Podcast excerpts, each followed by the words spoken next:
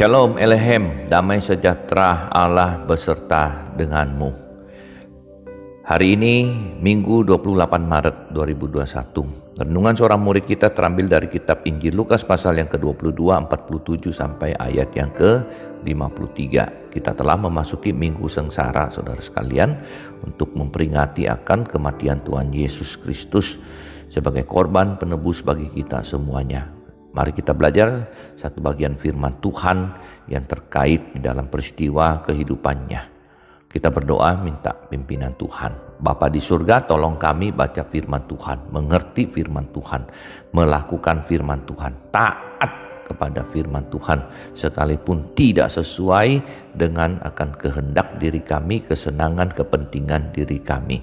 Tuhan ajar kami senantiasa memuliakan Tuhan bukan diri kami sendiri. Dalam nama Tuhan Yesus Kristus kami berdoa. Amin. Surat teks firman Tuhan dari Injil Lukas pasal yang ke-22 ayat 47 sampai 53 demikian bunyi firman Tuhan. Waktu Yesus masih berbicara datanglah serombongan orang sedang muridnya yang bernama Yudas, seorang dari kedua belas murid itu berjalan di depan mereka. Yudas mendekati Yesus untuk menciumnya. Maka kata Yesus kepadanya, Hai Yudas, engkau menyerahkan anak manusia dengan ciuman? Ketika mereka yang bersama-sama dengan Yesus melihat akan yang terjadi, berkatalah mereka, Tuhan, mestikah kami menyerang mereka dengan pedang? Dan seorang dari mereka menyerang hamba imam besar sehingga putus telinga kanannya. Tetapi Yesus berkata, Sudahlah itu. Lalu ia menjamah telinga orang itu dan menyembuhkannya. Maka Yesus berkata kepada imam-imam kepala dan kepala-kepala pengawal bait Allah serta tua-tua yang datang untuk menangkap dia katanya. Sangkamu aku ini penyamun, maka kamu datang lengkap dengan pedang dan pentung. Padahal tiap-tiap hari aku ada di rumah di tengah-tengah kamu di dalam bait Allah dan kamu tidak menangkap aku. Tetapi inilah saat kamu dan inilah kuasa kegelapan itu. Saudara sekalian di dalam akan kisah ini kita melihat bahwa Yesus sangat mengerti akan tujuan akan hidupnya. Sebagaimana pernah saya bagikan di dalam kebaktian doa. Saudara kisah ini mengikuti akan kisah doa Tuhan Yesus di Taman Getsemani. Satu doa pergumulan mencari kehendak Tuhan ataukah apa yang dia kehendaki. Sesuai sebagai statusnya sebagai manusia, kondisinya sebagai manusia. Yesus sangat takut dan menghindari akan salib. Namun ketika dia sudah berdoa-berdoa dan dia tahu ini harus dijalaninya. Inilah yang harus dijalani karena ini sesuai dengan kehendak daripada Tuhan. Dan setelah dia berdoa, dia yakin akan hal ini, kemudian dia sudah siap untuk menghadapi segalanya. Oleh sebab itu, saudara, ketika menghadapi akan pengkhianatan daripada Yudas dan bahkan penangkapan yang terjadi di sini, kita melihat bahwa Yesus tidak sama sama sekali tidak lagi mengumbar kemarahan, tapi dia siap. Bahkan hamba imam besar yang akan menyerang, gitu ya, dipotong telinganya oleh murid Tuhan Yesus. Tuhan Yesus bahkan menjamah telinga orang itu dan menyembuhkannya. Jadi bukan dibalas dengan akan emosi, bukan dibalas dengan peperangan. Kenapa? Ini karena dari sikap hati Yesus yang sudah tahu dia harus menjalani kehendak Tuhan dan dia menjalaninya, saudara sekalian. Nah saudara sering kali di dalam kehidupan kita, kita bingung. Kita tidak tahu yang mana yang menjadi kehendak Tuhan, yang, menja yang mana menjadi akan kesenangan Tuhan, dan mana yang kepentingan kita sendiri. Nah, saudara sekalian, kita harus peka, kita harus tahu. Jangan selalu apa yang menjadi keinginan kita.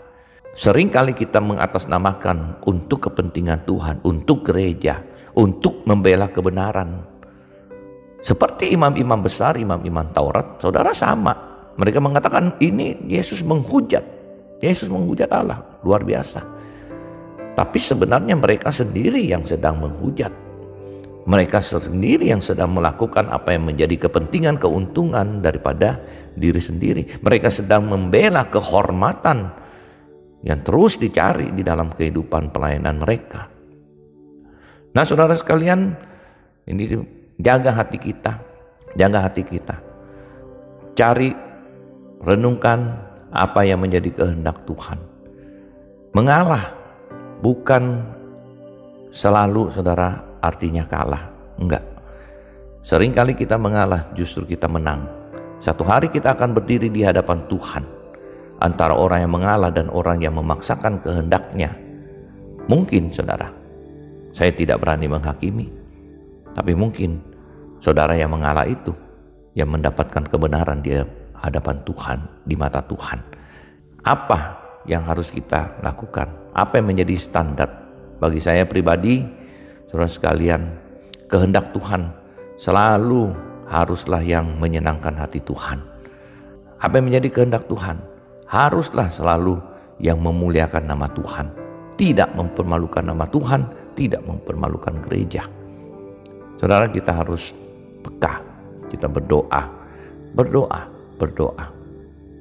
Kita bisa punya kepekaan rohani untuk melakukan sesuai dengan kehendak daripada Tuhan.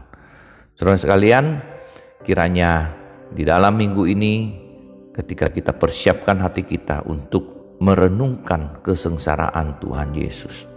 Mari kita juga renungkan apa yang telah kita lakukan untuk Tuhan. Apa yang kita alami di dalam kita mengikut Tuhan? Adakah kita menderita? Adakah kita kesusahan? Adakah kita sampai nyawa terancam? Yesus dia adalah Allah. Datang ke dalam dunia menjadi manusia.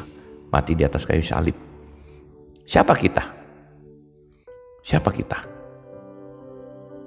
Apa kita anak Allah? Apakah kita Allah? Apakah saya orang besar? Apakah saya punya jabatan-jabatan? Apakah saya punya kekayaan-kekayaan yang besar sekali? Dan merasa sudah seperti yang maha kuasa. Yang selalu menentukan apa yang menjadi kehendak saya. Kiranya Tuhan menolong kita menjalani akan minggu-minggu sengsara ini dan merenung saudara sehingga sungguh kita mengalami jamahan Tuhan. Hidup kita diubahkan. Hidup kita mau selalu tiasa senantiasa memuliakan Tuhan dalam hidup ini. Kiranya Tuhan menolong kita menjadi anak Tuhan yang lebih peka kepada pimpinan daripada Tuhan, peka kepada kehendak Tuhan, melakukan membangun pekerjaan-pekerjaan Tuhan, bukan menghancurkan pekerjaan-pekerjaan Tuhan. Tuhan berkati. Tuhan terima kasih ajar kami merenungkan, memikirkan, dan mengambil waktu sebelum kami bertindak di dalam seluruh aspek hidup kami. Termasuk di dalam pelayanan-pelayanan, termasuk di dalam ketika kami berbeda pendapat di dalam keluarga, ketika kami di dalam pekerjaan kami, di dalam bisnis, kami peka Apakah yang menjadi kehendak Tuhan bagi kami anak-anakmu ini? Dan kadang apa yang menjadi kehendak Tuhan itu sulit untuk kami jalani ya Tuhan. Sulit karena ada terlibat di sana di dalamnya kepentingan, keuntungan, kehormatan dan kemuliaan diri kami. Dan kami tidak rela melepaskan semuanya itu. Terpujilah namamu ya Tuhan. Jadikan kami anak Tuhan yang lebih baik. Mengerti anugerah Tuhan. Pengorbanan Yesus di atas kayu salib. Agar kami dibebaskan dari belenggu dosa. Dan dipenuhi oleh roh kudus. Kehidupan kami kehidupan yang senantiasa memuliakan Tuhan. Terpuji namamu. Dalam nama Tuhan kami Yesus Kristus penebus. Juru selamat kami. Kami berdoa. Amin.